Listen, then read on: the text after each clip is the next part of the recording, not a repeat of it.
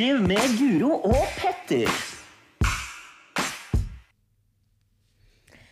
Da er podkasten Friskliv med Guro og Petter endelig tilbake.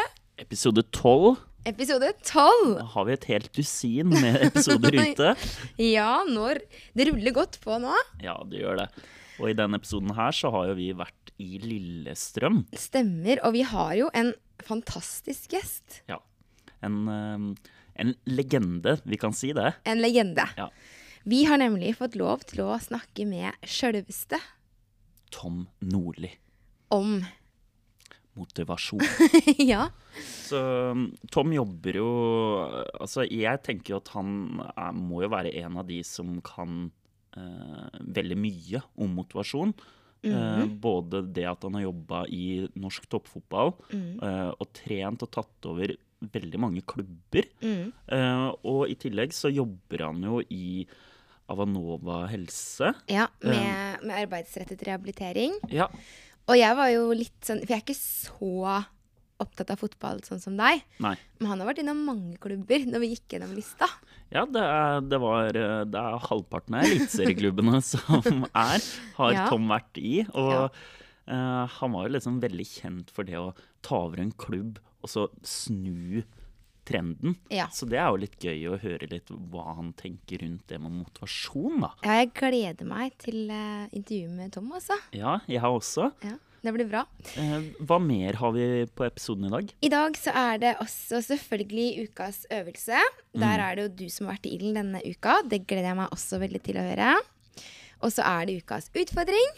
Ja, og det var Vi skal trene på The Crew. Fy søren. Det, det blir gøy. ja, vi har, når vi spiller inn nå, så har vi ikke vært på The Cruise, så jeg, jeg er veldig spent. Ja, det blir veldig, veldig gøy. Ja. Og så er det selvfølgelig å høre med Jens hvordan det går med han. Mm. Og så er det jo Petter og Guros trening, da. Ja. Ja. Men skal vi bare sette over til Tom? Yes. Det her er Tom Nordli. Tom Nordli.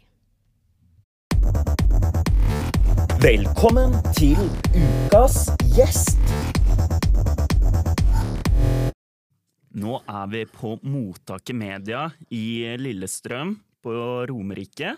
Stemmer. Og grunnen til at vi er her, Guro, det er at vi har fått besøk av selveste Tom Nordli. Eh, Tom, for meg så er du mest kjent som fotballtrener. Eh, først i Odd Grenland, som er min hjemklubb. Og så Da vet du at det heter Odds ballklubb nå. Ja. Odds ballklubb. Og så Vålerenga, Sandefjord, Start, Viking, Lillestrøm, Kongsvinger, Fredrikstad, Skeid med fler. Er det noen du ikke har trent? Jeg husker ikke. Det er 13 klubber, tror jeg. Ja, det er bra. Men jeg har notert ned at uh, du er tidligere svømmer. Ja, nå dusjer jeg bare, men Jeg har vært på landslaget en gang for 40-50 kilo siden. Ja. Og så- men i vannpolo, eller kun svømming? Er begge deler. I begge deler. Ja. Nå- og så har du jobba med hjertestartere. Jeg har vært selger og salgssjef innafor det, og så jobba jeg med presentasjonsteknikken for de kurslederne. Ja, ikke sant? Så da var det slutt på powerpoint og praktisk. Og så har vi jo Stine, eh, som har begynt å jobbe hos oss på Frisklivssentralen. Um, og så sa Stine at du, i den gamle jobben, Petter, der hadde jeg en kollega, han het Tom Nordli. Eh, og da fikk vi veldig lyst til å ha deg på podkasten for å prate om motivasjon. Det er overraskende, bare det. Stine var jo min sånn strenge yngre mor.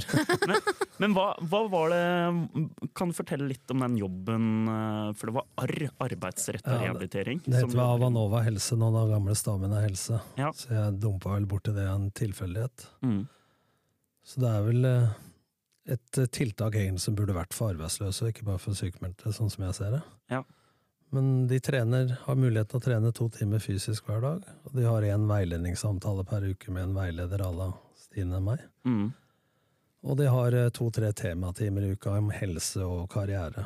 Så Ja. har vi muligheten til å gjøre fysikalske vurderinger, som Stine gjorde. Vi har muligheten til karriereveiledning, vi har muligheten til kognitiv terapi. Mm. Og så er det vanskelig å si hva som hjelper, men man har jo sett at eh, folk som omtrent ikke ville mer, begynner å jobbe tolv uker etterpå. Så det er forskjellig utgangspunkt, da, men det er mye mennesker med godt potensial i seg, så handler det om å hjelpe dem litt på veien og få Mm. ut potensial til ferdigheter i praksis. Det er Ja. vel det det går på, egentlig. Så for meg så er jo treningene altså plankekjøring, Mm. men eh, det gir meg noe fordi jeg ser at det gir deltakerne noe. Mm. Og så meg gir det mest eh, tematimer og veiledningssamtaler. Og så må du skrive rapport til Nav, da. Det er ikke fullt så sexy. men det må gjøres. Det er ålreit det er rein bil, men det er ikke så ålreit å vaske den. Men jeg syns det er et bra tiltak. Så dårlig betalt, men eh, lønna er jo mye å se at eh, folk kommer seg. Da. Ja. Og det er jo meningsfullt. Men er det stor forskjell på å trene, trene en eh, toppklubb i Eliteserien og, og jobbe med vanlige mennesker som er sykemeldte? Nei, det er ikke så stor forskjell. Det er mest forskjell i ditt eget hue, da. Mm. At uh, du må jo legge om språket litt. Det er litt annen sjargong i garderoben på Lillestrøm og Vålerenga enn det er eh, i garderoben der nede. Det er jo folk med kanskje litt som har litt eh, depresjon, de har kanskje litt dårlig selvfølelse, dårlig selvtillit. Så Mm. det handler om også Men så er det samtidig forskjellige individer, akkurat som i fotballgarderoben. Altså det handler jo egentlig om å finne ut nå-situasjonen på hver enkelt, og så ta utgangspunkt derfra. Men du kan jo alt fra folk som beveger en skulder, til folk som trener hver dag. Så da kommer jo det med tilpassa opplæring igjen, da, og evnen til å gi øvelser og mestring ut ifra det ståsted hver enkelt deltaker har. Da. Mm. Og da er jo samtalene ganske viktige i forhold til å få senka altså Det er mange som kommer dit som tenker at nå må jeg si de rette tinga, for de kommer fra Nav osv. Så, videre. så jeg pleier å si jeg er her for å hjelpe deg. Ja. Jeg har vært på Nav sjøl. Slapp av. Altså, og da, jo mer de åpner seg, og du kan vise litt sårbarhet sjøl i forhold til ting du har levd, og jeg har levd noen år, Mm. så åpner de seg mye lettere enn hvis vi er sånn ovenfra og ned. da. kommer der i hvit frakk og si 'gjør som jeg sier, men ikke gjør som jeg gjør'. Altså. Mm. Så jeg tror det er mye utgangspunktet å vise at uh, du har levd. Mm. Men det var jo en morsom historie da jeg begynte 1. april. Så var det en deltaker som gikk til sjefen, den gamle sjefen og sa han nye deltakeren Tom er ganske hyggelig. Men da har vi nådd en vei, da. Ja, For da mener jeg at folk er folk. for da er det vel noe med å møte folk der hvor de er, da. Ja. Og når Stine og de andre flinke fysioterapeutene, ikke sant, veltrent i tights og sånn, og så kommer pappa Tom og skal ha kosthold Vi hadde sånn trening nede på Nebbersvoll på en sånn tuftepark. Ja. Og det er klart, når jeg skrur på YouTube Music, da de andre har Tabata og, og Spotify og sånn Jeg har fått den, og Og så plutselig midt i kom det reklame for uh, Kiwi. 15% på frukt. Da sier jeg kjøp en banan på vei hjem. Og så tenker jeg sånn, vi må gjøre det ordentlig. Men det, i det jeg sa det, så tenkte jeg kanskje det her er litt bra. Mm. For hvis vi viser at vi kan gjøre feil, så er det kanskje terskelen for de som har lav selvtillit og selvfølelse i utgangspunktet, også tør å gjøre feil. også. Så jeg mener at jeg er gammel nok og trygg nok til å drite i konsekvensene. si. Så ja. Men uh, i dag så har vi lyst til å prate litt om motivasjon. Uh, og det første spørsmålet jeg og Guro skrev ned, det var hva er motivasjon for deg? Og hva er motivasjon for deg, Tom? Ja, det er mye. Uh, først og fremst så tror jeg det at jeg har levd av, enten som lærer, coach, Bavanova, hva som helst, så er det snakk om å prestere gjennom andre mennesker. Mm. Og da må du på en måte komme under huden på hver enkelt. da, Og finne ut hvem er klovn, filosof, hvem er utadvendt, hvem er innadvendt, hva er stå, eh, utgangspunktet til hver enkelt. Mm. Så motivasjonen for meg er jo å se forbedring hos deg sjøl eller andre. Mm. Og det menneskene du motiverer, altså de må jo ha en indre flamme sjøl. Mm. men du kan stake ut veien litt. Så noen blir motivert av jeg skal tjene de penga, den bilen, den hytta. Status, posisjon. For det er jo sånn at det er få som spør i dag hva Hvordan har du det, Tom? Mm. De fleste spør jo hva driver du med? Mm. Fordi at jobben vår er noe vi identifiserer oss med, det er status og posisjon. Og hvis jeg sier at hvis noen spør meg hvordan har du det, jeg svarer det er ikke så bra, så sier folk vi må ta en kaffe snart, for de bryr seg egentlig ikke. Ellers blir det for nært. Mm. Og det er trygt for oss å snakke om jobben vår. Men jobben vår er det mange andre hundre tusen i Norge som kan. Men det er utrygt å snakke om oss sjøl. Mm. Men hvem kan like mye også, også om deg sjøl som du kan sjøl? Mm. Så sier vi til unga våre du kan bli alt du vil. Da sier jeg du kan bli alt du er. Ja. Men hvem er du? ja. I Paradise er det med 110. Ja. Jeg har alltid lurt på, alltid lurt på hva det er for noe. Så, så det er et stort spørsmål hva er motivasjon, Mm. men jeg motiveres av prestasjon mer enn resultat. Ja. Altså framgang motiveres av å se andre mennesker det, det som rører meg mest, som gir meg tårer, er å se folk som har gått på en smell eller hatt det tungt, som reiser seg igjen. Mm. For å bruke idrett, da. Når Petter Northug har dritt seg ut og, og vinner VM femmila Ja. etterpå. Mm. Etter å ha kjørt i fylla og vært nede, og alle dømmer når og han reiser seg igjen. Sånne historier syns jeg er ganske For det er lov å gjøre feil. Ja. Og det er veldig menneskelig, på en måte. Det at vi alle kan gjøre feil, og at vi da kan vise at vi kan reise oss opp igjen. Da. Ja, og så er det forskjell på altså Hvis vi tror at verden er Facebook og alt er perfekt, og det Mm. å tenke at en liten dump i livet Og hvordan du takler den dumpa, er faktisk en prestasjonsfølelse. Mm. Eller hvis du har krangla med gubben eller kjerringa, og tenker 'hvordan ble vi venner'? Mm. Eller ble enige om at eh, vi er uvenner? Eller uenige? Mm. Men hvis du sier det var du som begynte, da er vi jo i gang igjen. så, så det er mye som er motivasjon, og det er et veldig stort spørsmål. Men, men det er forskjellig. Noen motiveres av status og posisjon. Mm. Jeg motiveres veldig mye av den indre motivasjonen. Mm. Og da er vi inne på De fleste firmaer da, har en visjon, og hva er en visjon? Og så mange svarer meg i foredrag på at det er, det er et mål, men det er ikke det. Nei. Hvis jeg sier at vi skal bli et av Norges beste fotballag, Mm. Så kan det være en visjon. Det er vanskelig, men mulig. Jeg sa jo det til en formann i Kongsvinger en gang med sånn hedmarksdialekt. Der var de spontane bare for å tenke seg om. Han sa det er mulig, det er noe, men jeg tror det blir vanskelig. Da kunne jeg sagt det er vanskelig, men jeg tror jammen det er mulig. Så jeg har sagt det samme med en annen motiverende tone, eller kroppsspråk, da, som du ikke ser på radio. Eh, men konsekvensen av visjonen, det er målet. Målet er kortere fram i tid og mer målbart. Så hvis jeg sa jeg skulle gå ned 40 kilo på et år, Mm. ti bare i trynet, som jeg pleier å si. Jeg har bildevis på det. Eh, Konsekvensen av målet er jo prosessen. Mm. Og jeg tror at hvis jeg er selger og sier at jeg skal selge for 50 millioner, istedenfor hvordan jeg skal få solgt for 50 millioner, så tror jeg ikke jeg når målet. Så hvis, veien til målet, hvis ikke det gir deg noe flamme i jobben din eller idrett eller hva som helst, så tror jeg ikke du når det. Nei. Det kan være en kickstart i forhold til at du har lyst på den bilen, den statusen osv., men skal det bli bærekraftig over tid, så er jeg helt sikker på at det må komme litt innifra. Mm. Men så kommer det siste punktet, som jeg med vilje tar til slutt, som jeg alltid begynner med, fordi alle andre gjør motsatt. det er nå-situasjon. Mm. Og da kommer du inn på de deltakerne på Avanå, for eksempel, at eh, du må ha evnen til å tenke hva er jeg dårlig på, hva kan jeg gjøre med det? Mm. Men det pleier folk å være veldig gode til, å beskrive hva de er dårlig på. Mm. Men min filosofi er å tenke eller hva er du god på? Ja. Hvordan skal du få gjenskapt og videreutvikla det du er god på? Mm. For vi er jo sånn vi mennesker, hvis jeg skal si til Stine da, Mm. at Stine har gjort noe bra, selv om det er usannsynlig, så, så sier jeg bra, Stine. Men hvis Stine har gjort noe galt, så har jeg et langt foredrag. Ja. Ja. Og hvis vi kollegaer er sånn, og ikke minst din samtale i ditt indre hode, Mm. Tanken er sånn, Ja. og hvis et menneske sliter med tre ting, da, og så sier jeg til det mennesket skriv ned hva du er stolt av, så var det 18 ting. Mm. 18-3, det er MSR. Men da er vi mennesker veldig opptatt av å fokusere på de negative hamsterhjulene, de tre. Ja. Men hvis vi fokuserer på de 18, så tror jeg du får mer overskudd til å ta tak i de tre. Ja.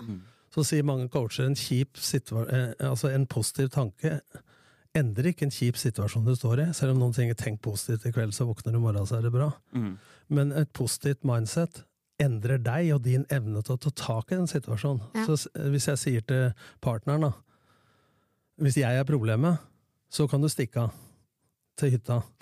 Men hvis problemet er noe annet enn meg, så hjelper det ikke å stikke til hytta, for situasjonen er jo der. Mm. Ja. Så det er jo din evne til å takle det som skjer, som er det vesentlige. For situasjonen løser jo ikke for dem du f- går fra Romerike til Telemark. Nei. Så det mindsetet der tror jeg er et stor forskjell. Da, på, mange sier sånn lettvint 'bare tenk positivt', eller 'tenk på noe du er takknemlig for'. Mm. Det er ikke bærekraftig i det hele tatt, etter min mening. Da. Men er det sånn du har jobba med toppidretten også? på en måte? At du har gått inn og fokusert på de positive egenskapene for å da ha det mindsettet, da? Sikkert mange som nekter for at jeg har gjort det i praksis. Det har kanskje vært meninga. Men det er ikke tvil om det. at det er Spesielt når jeg har tatt over lag som eh, er i krise. Ja. Eh, så handler det om også Jeg kan ta et eksempel med sønnen min som svømte.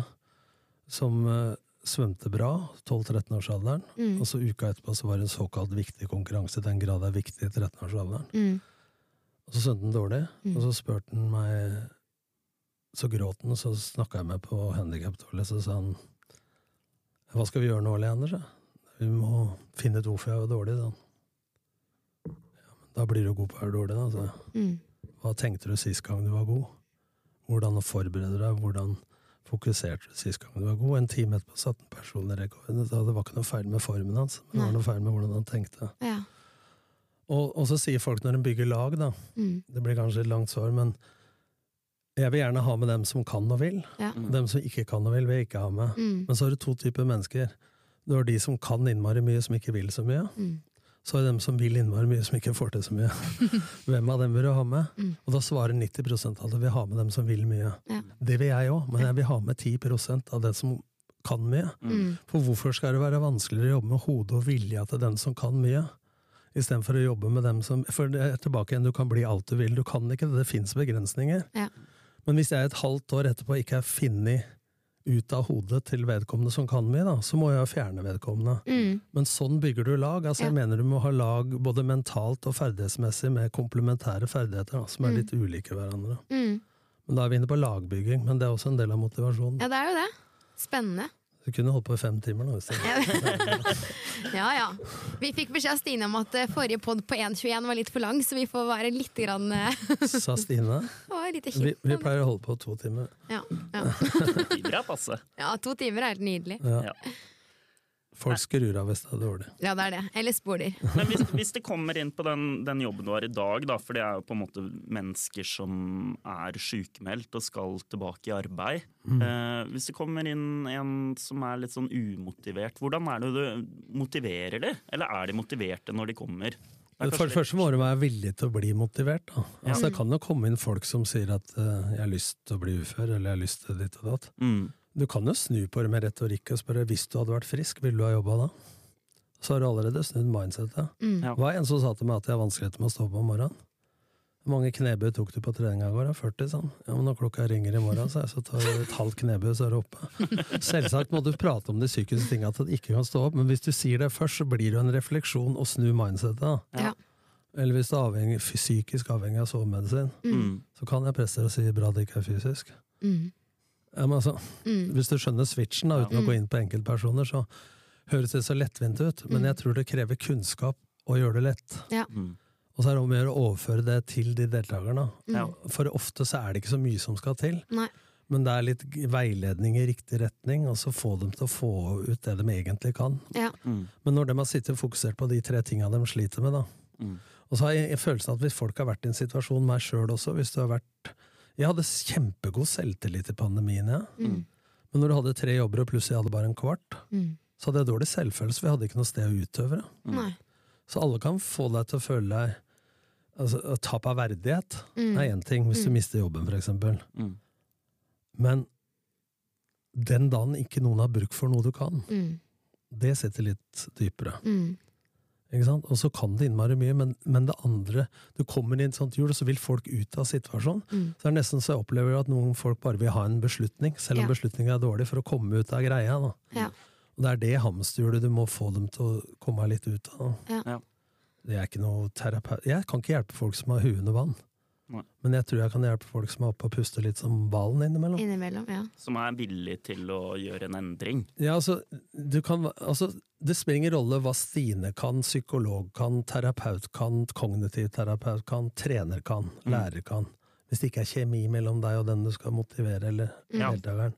Derfor sier jeg til deltakerne, altså om det er i klasserommet, altså dem kan ikke bytte lærer, men jeg kan jo si til en på jobben at hvis ikke vi har kjemi, Mm. Så er jeg null prestisje å sende den til noen andre. Mm. Noen tar det personlig, Ja. men vi blir jo vurdert på den profesjonen vi gjør, Mm. og ikke ta det personlig. Mm. Ikke sant? Altså, det er jo ikke jeg som skal bli tilfredsstilt. Altså, hvis den deltakeren i sentrum, akkurat som spilleren i sentrum eller eleven i sentrum, har bedre av å være hos Stine enn hos meg, Mm. så er det klart at det er viktigere for det mennesket som skal ut derfra og tilbake i jobb, enn at det er hvem er prestisje på hvilken veileder som har hatt det. Mm. Ikke sant? Altså, veit ikke om det Men, makes sense. jo, for det har jo noe med å være på en måte ydmyk i den rollen, da. Ja. Som du kanskje beskriver veldig bra der. Eh, det å tørre å si at eh, her er det ikke jeg som kan hjelpe deg, så her må vi få inn noen andre. på en måte Og så synes jeg at det, ja, det du sier også med å være direkte, da. Det er jo ganske, for du, du er jo litt direkte med de når du, når du sier de tingene du gjør. Eh, men da må man jo ha en kjemi for å klare å, å komme til det punktet òg. Jeg coacha Trustine har hørt historien, men jeg coacha ei jente som var feildiagnosert bipolar, fått medisiner i mange år.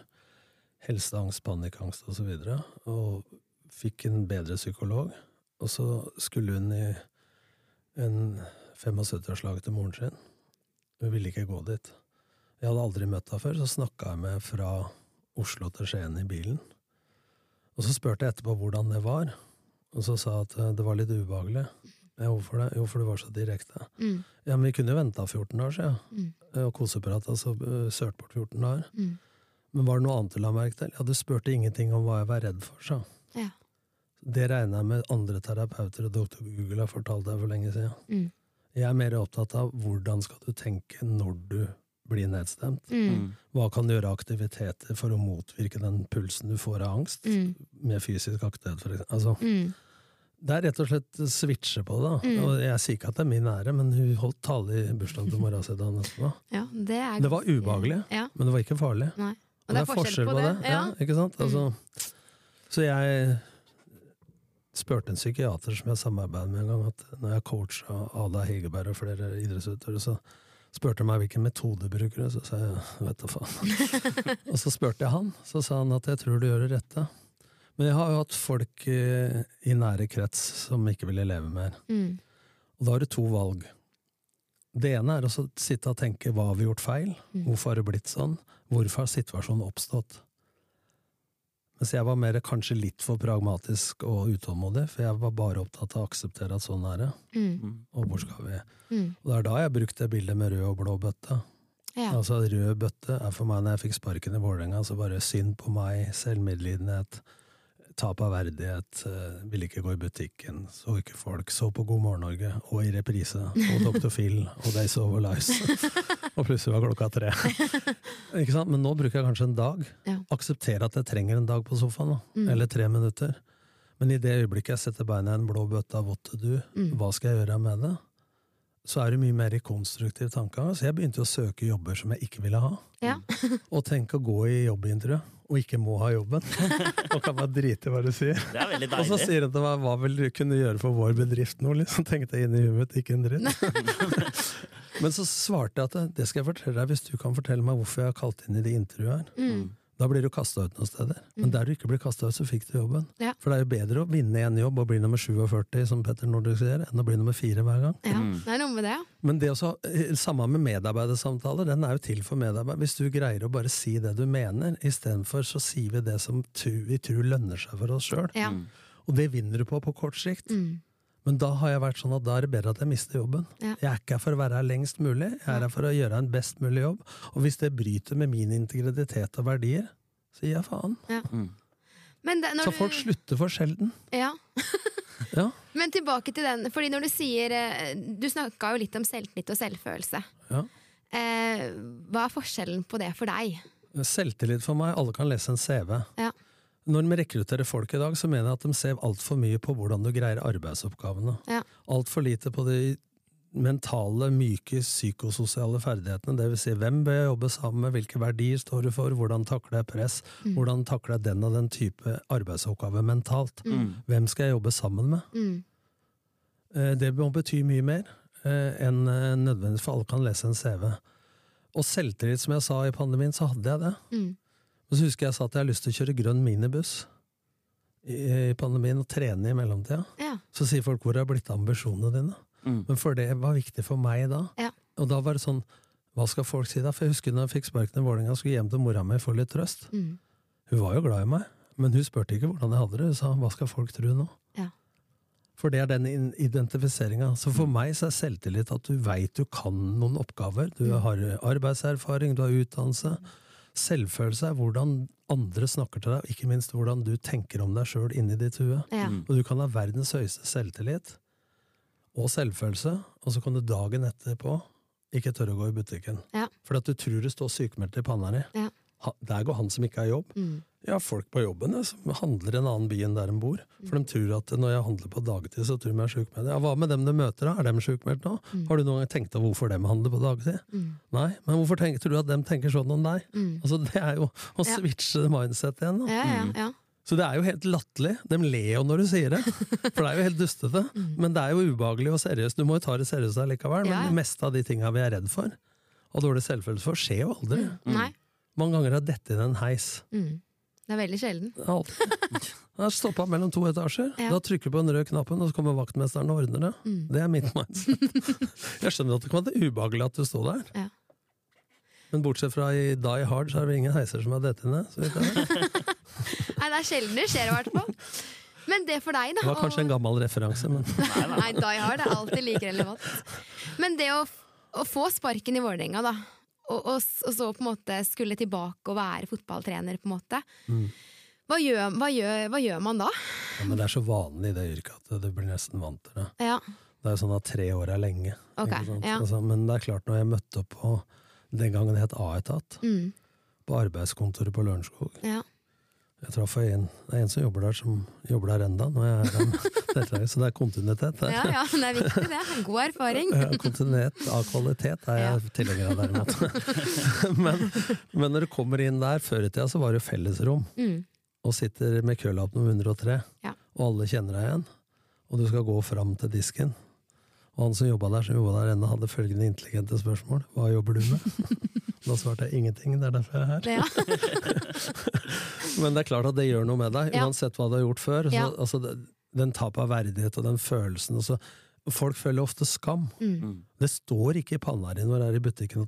Hadde jeg møtt alle deltakere jeg har på jobben på, på butikken, så hadde jeg jo ikke tenkt at dem kunne like godt vært direktør som sykemeldt. Det er jo lege, det er alle samfunnslag som er i Alle kan bli syke. mm, mm. Men det er gudskjelov noe det har vært og ikke trenger å bli igjen. Da. Ja. Det er jo ikke nødvendig at det er konsekvent resten av livet. Komme på hva det feiler deg, Da. Mm, Men mm. ja. jeg er ikke noe Jeg bare snakker om mine tanker. Ja, men det er, veldig, det er veldig fine tanker, og det er på en måte veldig fint å høre, høre måten du beskriver det på. Og så har du en erfaring som er helt eh, unik, da. Eh, og jeg tenker at måten du da møter andre mennesker på, er, eh, er også unik. Men folk blir jo overraska også, for det er klart hvis du leser media Det som selv avviser, er jo hvis jeg blir sint og tupper til ei bøtte. Ja. Hvis du er rolig på trening og pedagogisk. Altså, folk eh, sier jo til meg når jeg holder foredrag 'jeg trodde ikke du var sånn'. Nei.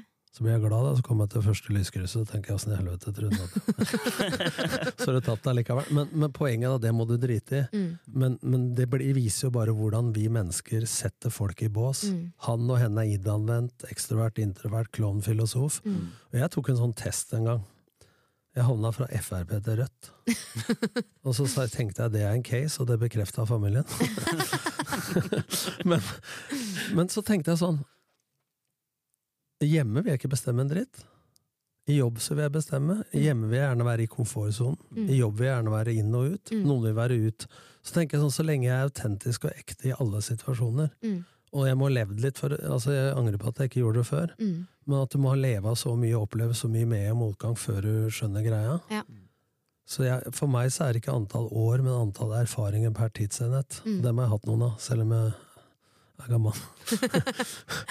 Mange per år, da, Ja. for å si det sånn. Og, Mm. hvis man har evnen til å reflektere over hvorfor var det dårlig nå, hvorfor gikk det bra, og det å se seg sjøl utenifra Mm. Og jeg blei filma en gang som selger i grafisk bransje for 30 år siden. Så trodde jeg at jeg var helt rolig i kroppsspråket og sto med hendene i lomma. og Sånn. Jeg tror jeg trykte 100 ganger på kulepenn og dro i den pekestokken. og det å få se seg sjøl da, Ja. det kan være litt nyttig noen ganger. Mm. Og jeg hadde en situasjon på jobb her om dagen hvor alle oppfatta at jeg backa opp en kollega. Og jeg gjorde det, men den kollegaen følte at jeg var ovenfra og ned. Da er det mitt ansvar å justere den Mm. til det mennesket, måten jeg formidler det på. Mm. Istedenfor å skylde på ja, men skjønner du ikke noe, eller? Mm. Og før så kunne jeg sikkert bare sagt skjerp deg, Mm. Men nå vil jeg kanskje tenke at eh, uff, det var leit, og så prøver jeg å justere deg litt. da. Mm. Men det er litt annerledes i idrett enn i næringslivet. Mm. For jeg er vant til en så direkte tilbakemelding at den profesjonen du utfører, blir du kritisert og rosa for. Mm. Mens i næringslivet så er det litt mer sånn personlig. Mm. At folk tar det personlig. Mm. Og det har jeg merka noen ganger på fleip. Jeg kan fleipe om noe da, som jeg tar bare som, som vanlig garderobegreie. og så- Det må jeg justere når jeg kommer hjem òg, Mm. fra en trenerjobb, og så snakker til ungene dine. så rynker hun litt på nesa, så du må justere litt. Ja.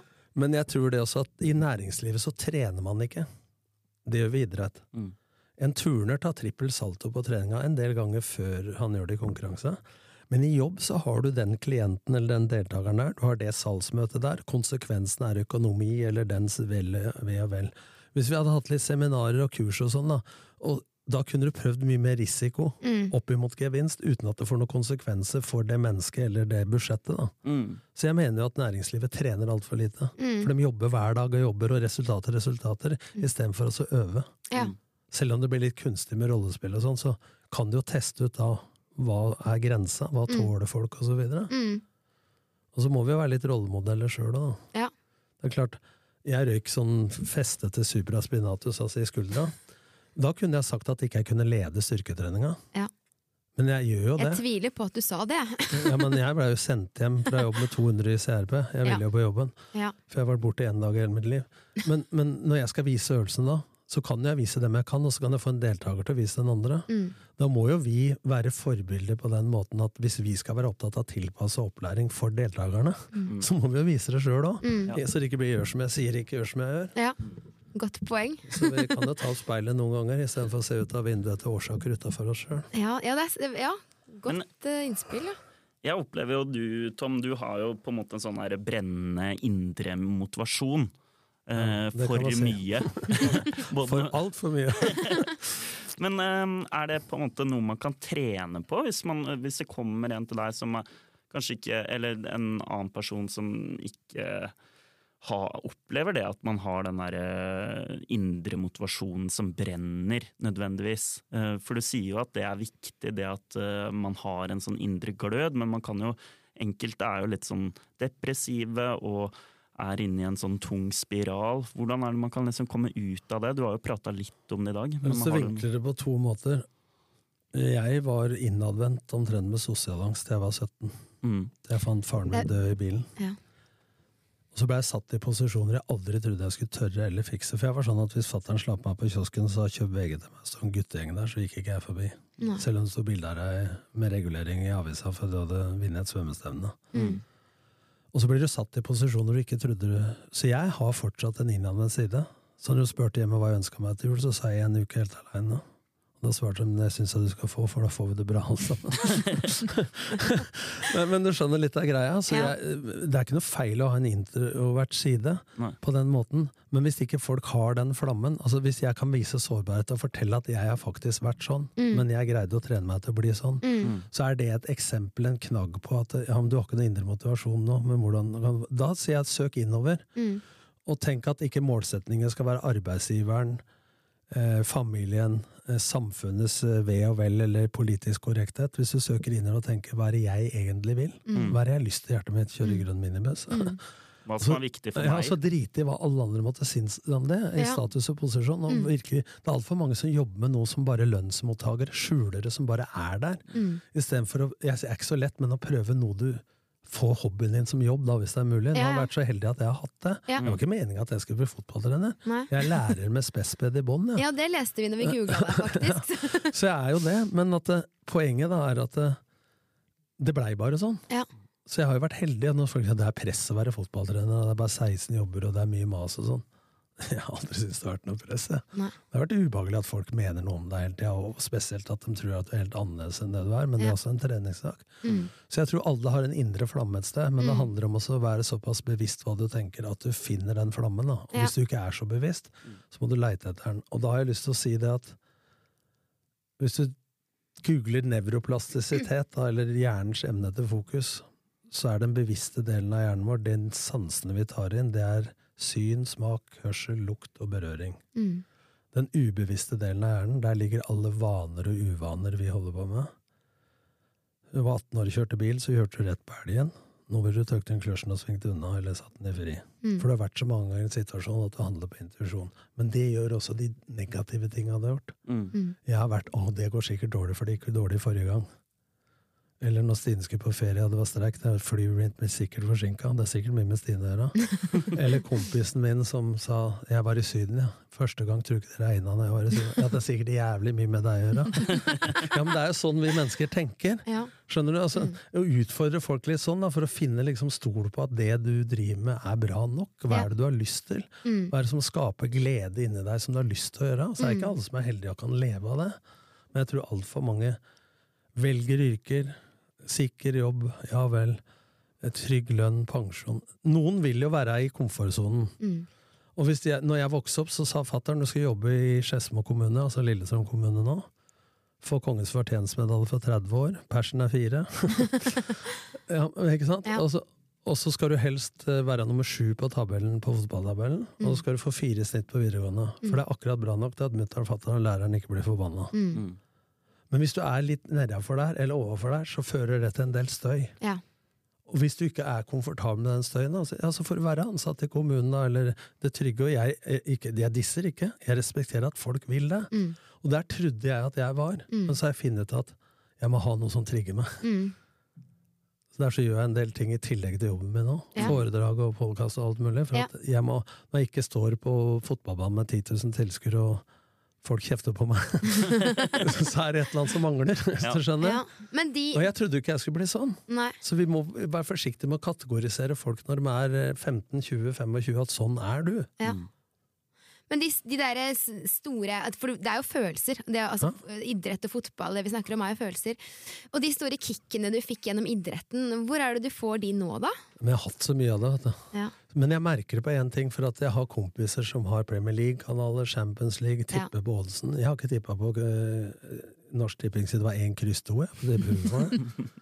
Eh, Nå er det bare kryss. Jeg veit ikke åssen jeg fyller ut en oddskupong. Jeg har fått så mye av det adrenalinet gjennom jobb at Ja. når jeg kommer hjem, så vil jeg helt slappe av. Ja. Det kan bli krasj når de andre hjemme vil gjerne finne på noe. Ja, ja. Ikke sant? Altså, jeg husker jeg hadde sånn diamantkort på fly, for jeg pendla så mye. Så jeg sendte jo familien til Euro-Disney Japan, New York og London. Så sier de skal ikke du være med? Dobbeltseier, sier jeg. Dem drar, og jeg er hjemme. Dem elsker å reise, jeg elsker å komme fram. ja, men Det har Ja. noe med det å gjøre. Hva Ja. er det du har gjort? Ikke Ja. sant? Og det, hvis jeg skal prøve å gjøre dem jeg bor sammen med, til en, som meg, eller omvendt, Mm. for det at sånn jeg mener er best, Mm. da har vi jo ikke evnen til å se på andres menneskers kunnskap som en ressurs, men en trussel. Mm. For jeg husker vi var i et bryllup, og så, og så sa kona at han, eh, bordkavaleren min er så ålreit. Er han så kjekk, altså? Er det Brad Pitt, liksom? Nei, de hadde så mye fine meninger. Og så var jeg stille i 20 sekunder, så jeg var han enig med deg, ja, nå. Ikke sant? Ja. Altså, hvor nysgjerrig Hvis noen mener noe annet enn deg, Mm. hvem sitter du sammen med på jobben i lunsjen? Mm. Det er greit, for det skal være sosialt. Det er ikke så mye i lunsjen, for jeg er ikke så opptatt av julepynt. Men hvem jobber du sammen med i gruppearbeid? Mm. Hvem vil du ha som kollega? Hvem vil du ha som eh, assisterende under deg? Mm. Hvem vil du ha som hjelpetrener? Mm. De fleste velger dem som er mest lik seg sjøl. Mm. Men da blir jo ikke laget komplementært, så jeg er opptatt av at det skal være relasjonelle ferdigheter. Mm. At ikke alle må være like. Ja. Men da må det være aksept for at eh, Vi er forskjellige, ja. hvis dette jeg holder opp her nå på radio, og en telefon som er et bilde, Mm. en ramme på et maleri, Mm. Så vil jeg gjerne bruke min personlighet til å male hvilket Hvis jeg vil male Helgenen, for jeg kan ikke noe annet, og Stine maler Mona Lisa, Mm.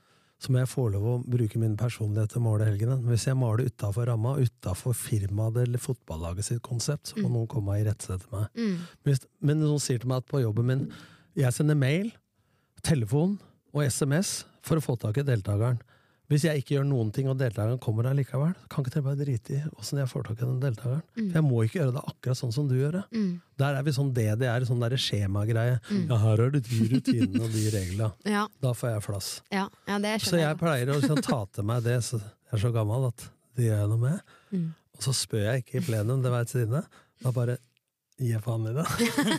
For det er lettere å få tilgivelse enn tillatelse. Men Ja, du, jeg setter litt på spissen, men du skjønner hva jeg mener. Ja. Men du Tom, eh, tusen takk for eh, i dag. Og så skal du komme tilbake en gang òg. Og Jeg da har tenkt deg det. da skal vi prate litt mer om mål og målarbeid. Men jeg tror vi setter tilbake til eh, studiet. Da gjør vi det. Det var Tom Nordli det, Petter. Det var Tom Nordli. Hvordan syns du det var å møte Tom? Det var stort. det, Mhm. det var gøy, Ja, og det var spennende. ja. Tom hadde jo ordna et helt studio til oss um, i Lillestrøm. Mm. Mottak media. ja. Uh, Så takk til Mottakermedia Mottaker Media for at vi fikk spille inn der. Det var veldig, veldig flott studio. Vi spiller jo vanligvis inn på kontoret på Frisklivssentralen med hjemkjøpte mikrofoner, så det var litt sånn stas å, å sitte i et ordentlig studio, da. Det var litt level up. Ja. Ja, Litt, men uh, litt var bedre lyd òg, sikkert. Det får vi bare leve med. Ja. Ja. Eh, og så kom jo Tom eh, tilbake i neste uke. Ja, vi fikk eh, faktisk to eh, små snutter med Tom. Ja. Så, så det gleder jeg meg også til. Mm. Eh, men nå skal vi høre på noe, noe ordentlig fælt nå. nå skal vi bare sette over til eh, ukas øvelse. Vi kjører ukas øvelse. Sterkere. Knebøy. Utfall. Hva skal man velge? Dagens øvelse. Hva er ukas øvelse, Guro? Ukas øvelse er stakemaskin. Fem minutter. Alt man har Alt man har. på treningssenter. Prøv å komme så langt som mulig på fem minutter. Ok, Så antall meter på fem minutter. Ja. Da setter vi over Eh, Skal vi se. Sånn. Da er du klar. Fem minutter skierg. Ja, nå står jeg med armene høyt oppå skiergen. Ja, veldig bra. Det er bare å kjøre i gang. Ok, Når du er klar. sier du klar, ferdig, gå? Klar, ferdig, gå. Ok, så det er fem minutter nå på skierg. Se å komme så langt du kan. Nå har han holdt på i 1 minutt og 30 sekunder. Går fortsatt veldig bra. Så her er det bare å fortsette å jobbe. Ja, da nærmer vi oss halvveis. Det gått to og et halvt minutt akkurat der. Da er det to og et halvt minutt igjen. Ser fortsatt veldig bra ut. Kanskje litt mer pust, men ellers ikke noe andre tegn. Nå er vi inne. Det er ett minutt igjen av denne utfordringen. Fem minutter skierg. Ser fortsatt veldig bra ut. Ingen tegn til at det er slitsomt. 45 sekunder igjen. Det er veldig bra.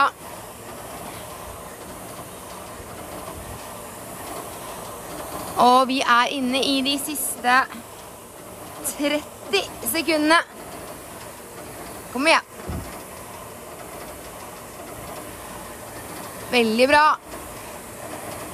Da er det 20 sekunder igjen. 15. 10 sekunder. Og vi har fem, fire, tre, to, én og ferdig. Veldig bra. Hvor langt ble det? Sliten? 1369. 169 meter på fem minutter. Fantastisk. Veldig, veldig bra jobba. Jeg vil tro at det er veldig langt. Jeg har slitt etter ti sekunder. etter ti sekunder. ja, men det gikk veldig bra. Hva føler du nå? Jeg har så mye syre i kroppen. Jeg har hatt det i fire minutter Ja, og 30 sekunder nå. ja, Ja, det er så vondt. ja. Men det så ikke sånn ut, da. Det var veldig bra. Jeg gikk litt hardt ut i starten, og så har det veldig vondt. Og så klarte jeg bra sist to minuttene. Ja. Veldig bra. Var det bra utfordring, syns du? Veldig tøff, Veldig tøff. Ja. men nei. her det er bra. ja. Det er, nå er jo klokka eh, kvart over syv en fredag morgen. Ja, Det er ganske sykt, faktisk. jeg har start. Det er en veldig brutal start. Ja. Du kan jo få tenke deg litt om i forhold til utfordring til meg, tenker jeg. For det er dumt å spørre folk når de er veldig sliten om utfordring. Tilbake til studio. Det var noen tunge greier. Altså, Hvordan syns du det var, Petter? Ukas øvelse. Fem minutter stakemaskin. Forferdelig er vel et ord. Vi møttes på Sats klokken 07.00 Ja, fredag morgen. Ja, man er jo litt trøtt. Eh, ja. og så hadde vi ikke så god tid, for vi skulle rekke et møte klokka åtte på morgenen. ja. Eh, Så mm, oppvarming og sånn, det brød vi oss ikke så mye om. Nei, vi, vi kutta det. Ja, så Mm. som man hører, så som jeg sikkert klager litt over òg, så jeg fikk jo syra i armer og bein og hele kroppen allerede etter sånn Jeg følte det var liksom åtte sekunder ute, ute i, i den femminutteren. Ja. Eh, Men eh, klarte å holde greit trykk. ja. Eh, Veldig. Og en bra avslutning de siste to minuttene. Ja, For meg så, så det egentlig ut som du hadde veldig jevnt trykk. da Og så ja. liksom gønna du på litt siste, siste 90 sekundene, kanskje? Ja. Ja, Eller to minuttene. Og så hjalp det at du hadde litt sånn pacing på sida og ropte litt sånn eh, Så mye igjen, så så mye igjen. For Ja. da tenkte jeg åh, nå må jeg kjø kjøre på. Ja, men du var god. Det var fantastisk. Eh, så du, men hvor langt ble det igjen? 1390 meter. Ja, så Det kan jo være utfordring til alle andre da å prøve å slå Petter på sakemaskin. Ja. Og hvis man klarer det, så må man sende inn melding på Instagram til oss. Send inn melding på Instagram. Fordi du kjenner jo noen skiløpere, så kan jo være de tar utfordringa nå. Ja, jeg tror det er ganske mange som hører på den podkasten her, som kan slå det, eller være i nærheten av eh, 1390 meter. Jeg skal prøve sjøl, jeg. Ja. Men noe annet du skal prøve, Guro, til neste gang. Ja, fordi du skal gi meg en øvelse nå. Ja, Det er Ja. en øvelse som uh, ligner litt på startmaskin. Mm Eh, det var maskin Det i er maskin maskinjordet. Ja. Men det er romaskin. Det er romaskin, ja. Ja, så romaskin, 1000 meter, Ok. alt du kan. Ja.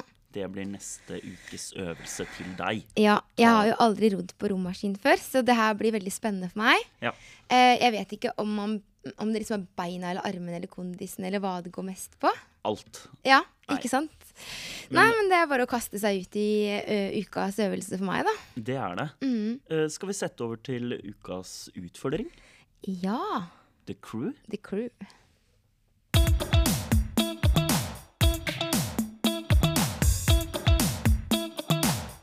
Ukas utfordring.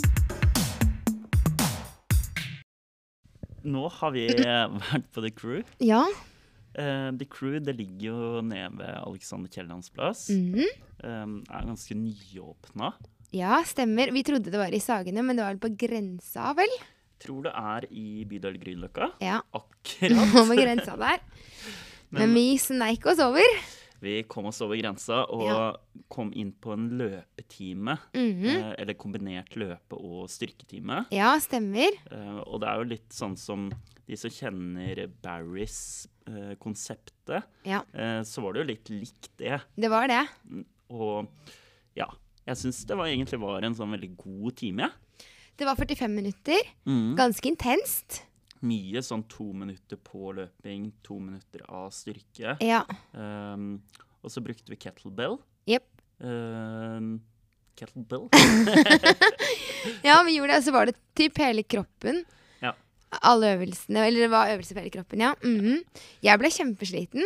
Jeg ble sliten, jeg òg. Men jeg synes kanskje Barry's var enda sånn sykere opplevelse, for det var nesten som å komme i en film. ja. Men det var, det var veldig gøy nedpå The Crew, og jeg kan faktisk tenke meg å dra tilbake dit og kjøpe, eh, kjøpe klipp ja. eh, på det. Jeg så det var sånn åpningstilbud. Da var det 100 kroner per for tre klipp eller noe. Ja, ja, ja. Så, det kan være du skal tilbake. det kan hende. Da, jeg så de hadde litt sånn boksing og sånn, Ja. så det kan, kan hende jeg skal på det. Ja. ja, men nei, det var gøy. Det var veldig gøy. Bra fredagsøkt, da. Det var en veldig fin utfordring. Mm. Eh, Jeg har en utfordring til deg òg. Har du? Jeg Til neste gang så skal du ta VO2 Max-test Oi, oi, oi.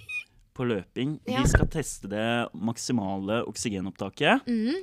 Um, da har jeg en kompis som heter Vegard, som er i et firma som heter Oxyflow. Uh, Ja. Og vi skal få de hit og få testa hvor mange liter oksygen du får ned i lungene dine.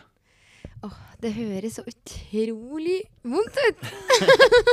Så mer om uh, VO2 Max-testen uh, til meg og Guro mm -hmm. uh, neste uke. Ja. Um, nå skal vi over til Neste stikk. mm,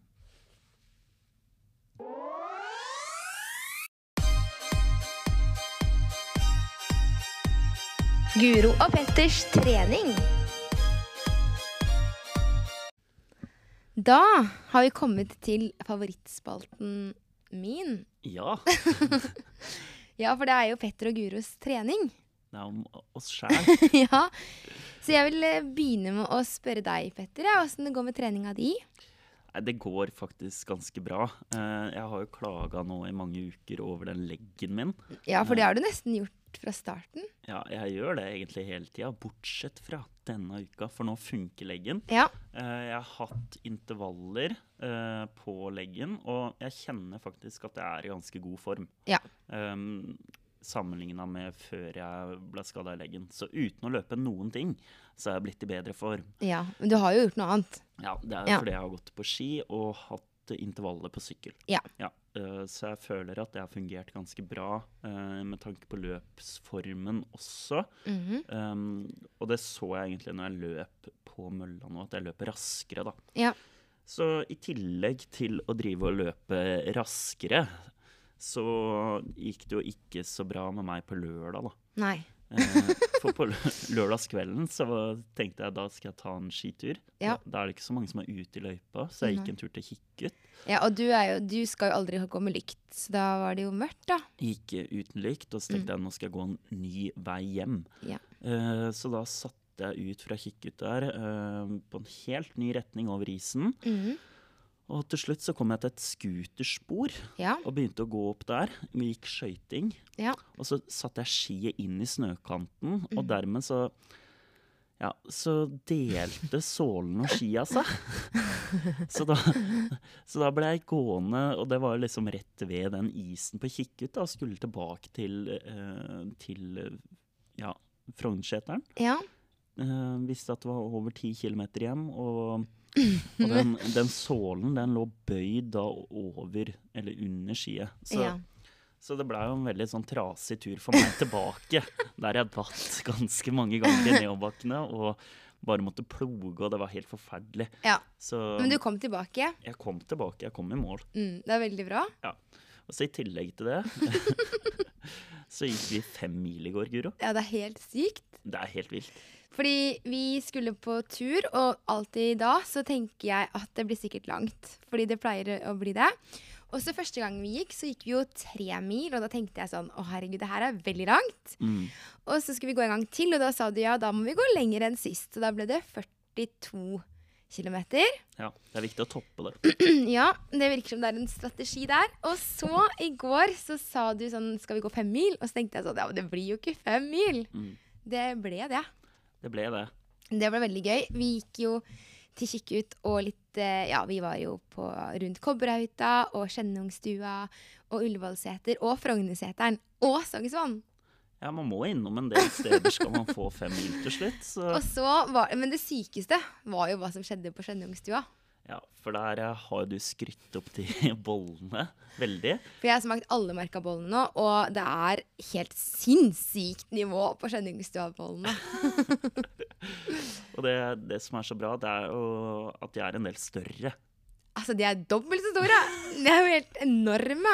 Men eh, jeg, i går så bestilte jo du deg vanlig bolle Ja. med melis på. Mhm, For da, da får man Det er ikke en vanlig bolle, jeg må bare forklare det. Det er en, um, det er en kanelbolle med varm melis. Og kanelbolle er også varm, så den er helt sinnssykt god. Ja, den er helt go- sykt god. Men de hadde noe Mm. Annet jeg. der. Helt til jeg fant ut at de hadde noe som heter pyntebolle. Og pyntebolle, det er um, Ja, hva er det? Nei, altså, det er jo det samme. Det Ja. er jo den sinnssykt gode bollen Mm, med melis på. mm. Men i tillegg så var det smågodt oppå bolla. Og når det har gått, gått tre mil da, og har to mil igjen, Ja. Da er det bare å smelle nedpå en sånn pyntebolle. da er det ganske godt å få en pyntebolle Ja. på Skjenningstua. Ja. Så nei, det var en veldig fin tur. ja, det var det. Så jeg tror aldri jeg har gått så langt på ski, men det gikk eh, fint, det. Ja, men eh, det er godt å sette nye rekorder. Ja, jeg elsker å sette nye rekorder. Ellers med treninga går det greit. Med meg så går det egentlig ganske greit. Jeg har hatt en bra uke, ganske mye intervaller, men også litt rolig løping ute nå. Kommet litt tilbake til å løpe ute, Ja. og det er veldig deilig, kjenner jeg. Mm. Ja, så jeg syns det går fint. Um, og det er jo ikke lenge til vi skal på løp. Nei, når vi spiller inn nå i dag, så er det tredje fredag 3. februar. Det er to uker. Og da er det akkurat to uker Ja. til vi skal løpe rekordløpet i Lier. Ja, Um, og det, det blir spennende. ja. Eh, Det blir veldig spennende. Ti kilometer. Nå har vi meldt oss på. Ja, vi har meldt oss på, og vi er, vi er gleder oss. Ja. Og så en liten ting til. Det er jo at eh, det er en til som har meldt seg på. Og han skal vi høre litt uh, fra. Mm. Jens har nemlig meldt seg på rekordløpet på Lier. Jeg så det på den uh, start, startoppstillinga. Ja. Uh, så hvordan går det med Jens? Hvordan går det egentlig med Jens? Går det med Jens? Går det bra med Jens? Hvordan går det egentlig med Jens? Hvordan går det med Jens? Har du trent noe, Jens? Kan du ikke fortelle oss ståa?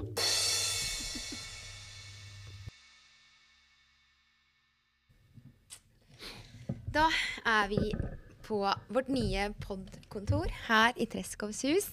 Og vi har fått besøk av stjerna sjøl, Jens. Jo, takk. Frekvens. Takk, takk. Hvordan er eh, ståa? Nei, på søndag hadde jeg jo en ganske bra lang tur for meg å være. Ja. Mm. 20 km? Så sterkt. ja, fornøyd med det. Mm. Og føltes for så vidt bra ut. Eh, så kom mandagen. og da skulle jeg ta en av mine ukentlige sprinter, og den består av punkt A til nærmeste busstopp, trikkestopp. det er det jeg gjør av sprint. Ja. For du skulle rekke bussen. Jeg skulle rekke bussen. Mm. Eh, da får jeg selvfølgelig krampe. og det var ikke i lår, og ikke i leggene. Nei da, det var i magen. I magen? Rett og slett en magekrampe der. Og det syns jeg er jo litt artig, for når jeg er ferdig å dusje, så bruker jeg å ta to minutter og beundre tempelet mitt. og en tanke som aldri har slått meg, er fy faen, du har bra i magemuskler. Så, Ja. ja. så jeg var jo litt sjokkert at det faktisk var noe der. Ja, men det er tydelig at der er det mye magemuskler der. Ja, Så det var rett i sånn uh, knestående. Det så ut som jeg skulle kaste opp. Det var litt pinlig. Men rakk du bussen? Nei, Nei. måtte ta neste. Men altså, fordi vi fulgte jo litt med på Strava, og når det liksom bare klokka inn to mil her, så var vi jo innmari imponert, da.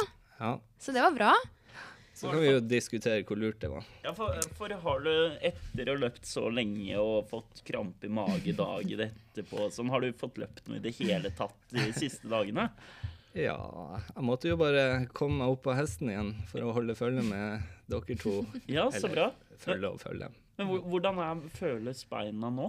Nei, nå etter mandagen, det ble jo selvfølgelig kokrolig Ja. etter den episoden. Men eh, så tok jeg meg en kort tur på tirsdag. Da kjente jeg jo at jeg var stiv i beina. ja. Um, men det var for så vidt greit å få gjennomført ei kort økt. Og så har jeg hatt to korte til. ja. En kort økt, var vi den Hvor lang er en kort økt for deg? Eh, Det er jo en halvtime. En halvtime, ja. Ja. ja. Så det er en halvtime på mølla hjemme. Ja. Mm. Så er det jo sånn at eh, nå nærmer det seg jo veldig eh, at vi skal jo på løp sammen, vi tre, da. Mm. Petter, Jens og meg skal til Lier. Mm. Og vi så at du hadde meldt deg på. Ja. Ja, hva, hva tenker du nå? Det nærmer seg. Nei, siden vi er tre stykk, så, så kommer jeg vel på pallen. Så det, det er jo det positive. Ja, alle her kom på ballen. Ja. Men jeg så du hadde meldt deg på Det var sånn tid man kunne eh, taste inn. Å ja, ble den. Så dere den nå? Og da hadde du tasta inn 50 minutter Ja. på 10 km. Mm. Er det målet på rekordløpet 50? Ja, Ja. som sagt, jeg har jo ikke trent noe målretta mot 10 km. Jeg har jo bare prøvd å få opp mengden. Mm. Så, så jeg tenker at det er målet nå i første omgang. Ja. Mm. Høres veldig spennende ut, det her, altså. Det er et fint mål å ha. Veldig fint mål å ha. Veldig konkret, veldig målbart. Mm. Om to uker så sitter vi jo med svaret. Da smeller det. Ja, det blir gøy å se. Ja, det blir gøy. Det er bare å trene på videre da. Det skal jeg gjøre. Ja. Takk for i dag. Greit. Ha det godt.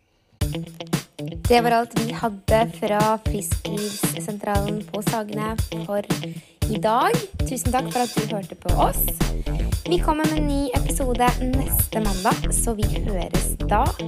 Takk for oss.